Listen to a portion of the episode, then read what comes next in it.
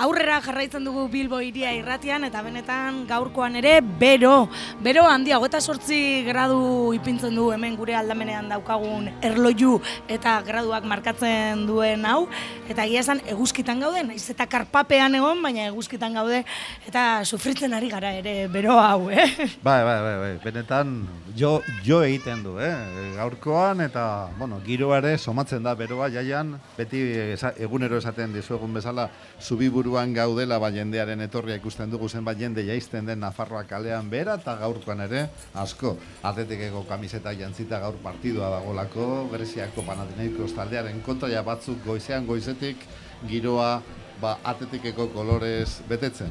Baina beste kolore batzuk izango dira, gaurkoan Euskararen koloreak, oso politak, eta gaur, eh, ane, gainera, sari banaketa importante bat izango dugu aste nagusiaren barruan. Hala da, aste nagusian ere, sariak ematen direlako, ez bakarrik gastronomikoan, eta bar, hau pitzu hau konpartza duela ez dakitzen bat urte, sortzi bat edo, hortxe, hortxe, ez? Euskara zaria aurten eh, amabuz garren edizioa. Amabuz garren edizioa. Bai, 2002an izan zan lehenengoa, Eta hori. Urtero, urtero, Euskara zaria ematen dute.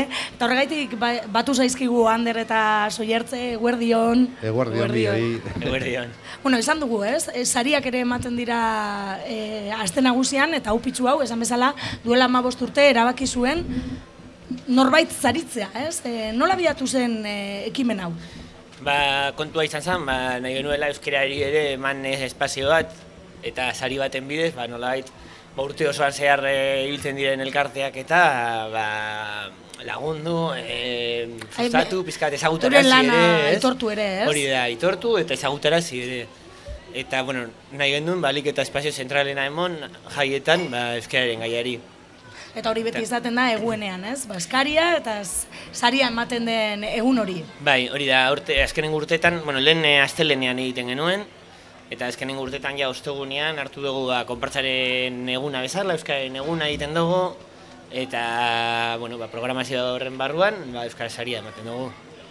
Aurrekoan aipatu nuen, baina aurten gainera e, Euskarazko edabide bat ere saritu nahi izan duzuen Bilbon ezaguna den Uriola. Bai, bai hori da, bai. E, zerkera mandu hau pitxua Uriolare saria ematera? Ba, bueno, orokorrean uste dugu komunikabideak, eh, euskarazko komunikabideak oso garrantzitsuak direla euskaraz bizitzeko.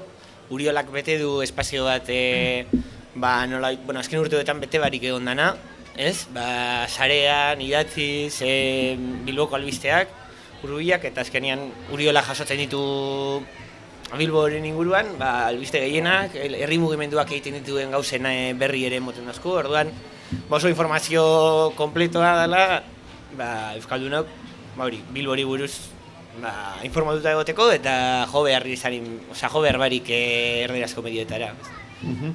Zoi hartze, e, urolari esker besteak beste, e, bilbotarrok nolabait gure inguruko informazioaren berri izaten dugu egunero egunero, eta behar bada egunero egunero ikusten dugulako ez gara konturatzen zeinen importantea den, ezta? Azkenean ohitu egin gara uriola ikustera, irakurtzera, hango albistea jasotzera, baina benetan da garrantzitsua egiten duen lana. Bai, garrantzitsua da azkenean, ba, beukitza euskera, ze, ze azkenean, pentsatzen dugu bizi garela euskeraz, baina ez gu osea, gauz askorik euskeraz bizitzeko. Orduan ba, oso garrantzitsua da be, puntu hori egotea hor eta aukera horiek emotea, ez? Be, Euskal Herrian gaude eta euskeraz bizi nahi dugulako. Orduan be, ba, gu konportzan moduan be uriolari eman diogu, ba, horrez egatik. Zezo garrantzitsua iruditzen zaigu, ba, puntu hori eukitzea, aurrera eramatea, eta, bueno, kriston lana egiten dutelako, be ibilbide honetan amabost urte hauetan gainera denetariko elkarteak ere, ez? E, saritu dituzue edo aitortu bai. diezue egindako lana, ez? E, mediku euskaldunetik, komunikabide euskaldun batera, e, hainbat eta hainbat e, persona, ez? E, ba, saritu dituzue elkarte, bai, pertsona... Bai, pertsonak, bai, elkarteak hori. Uema, e, bai. udalerriak, ez? Egindako lan hori, aitortza hori ere azten nagusian. Bai, bai gainera e, ikusiko dituzue, ikusen badituzue aurrek urtetakoak, daude bai e, Bilbokoak, bai Euskal Herri osoan, ez? Ba, azkenian bi planoak ere behar dira, ez? Urbilekoa behar dugu, baina nazionala ere, orduan horregaitik e, topatuko dituzue, ba hori, Guema, e, Berria, baina bueno, baita Uriola, eta bar, ez? Bai, ez, urruneko begirada, baina gertukoa ere, ez, da. etxekoa ere. Bai.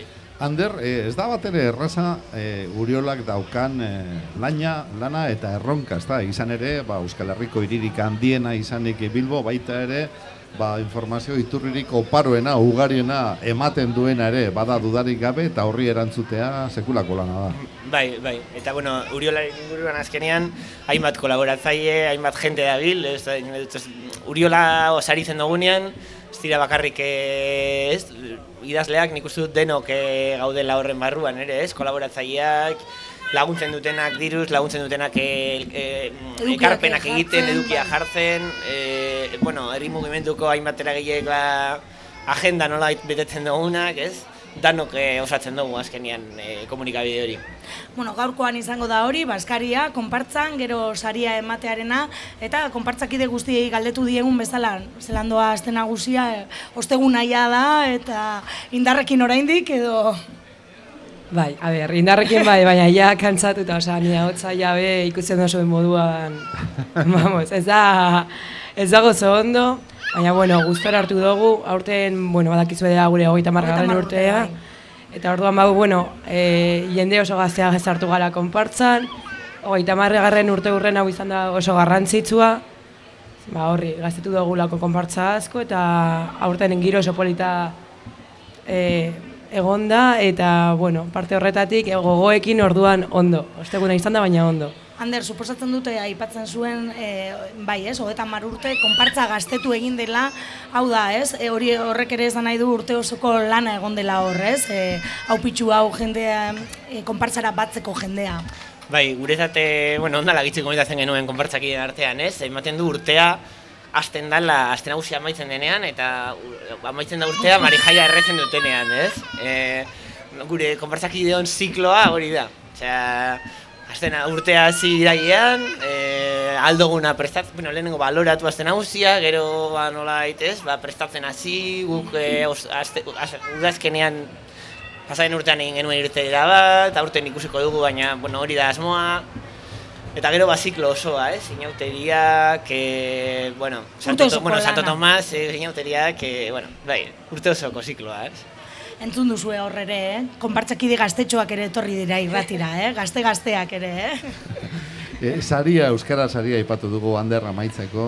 E, zein da, fizikoki zelako saria ematen duzue?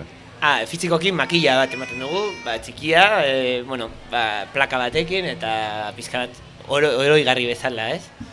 Mhm. Hori, gaur arratsaldean arratsaldeko bostetan, jau pitxu jok, konparsaren txosnan egingo duzue, baskari hori da. eder baten ostean. Hori da, hori da, arratzaldeko bostetan, Bueno, gaur hori, gaur egun, egun osoko programazioa daukagu, orain eh, ordu bat erdietan egongo da kontzertu bat e, gau, e, gaualdeko asperena egiten den talde batena, gero baskari. Eguerdiko ermuta. Hori da, hori da. Marian, Marianito musikatuak. Ah, Marianito musikatuak. Ideia bikaina da hori, eh? Eta hori gero ja baskaria, eta arratzaldean, ba, hori, bostetan Euskara saria. Eta gero ja, ba, parranda jarraituko du. Bueno, gero, gerokoak, oraindik ere eguna da, eta igander arte egun asko dira. Ba, ondo joan daitela gaurko egun hori, osatu ezazuela, eta, bueno, falta dena ere jaietakoa, eh, geratzen diren egun horiek ere.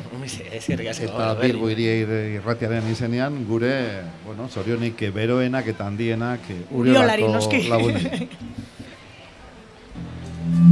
FM larogeita hamasei puntu zero, Zebero. Bilbo iria. Oso ondo.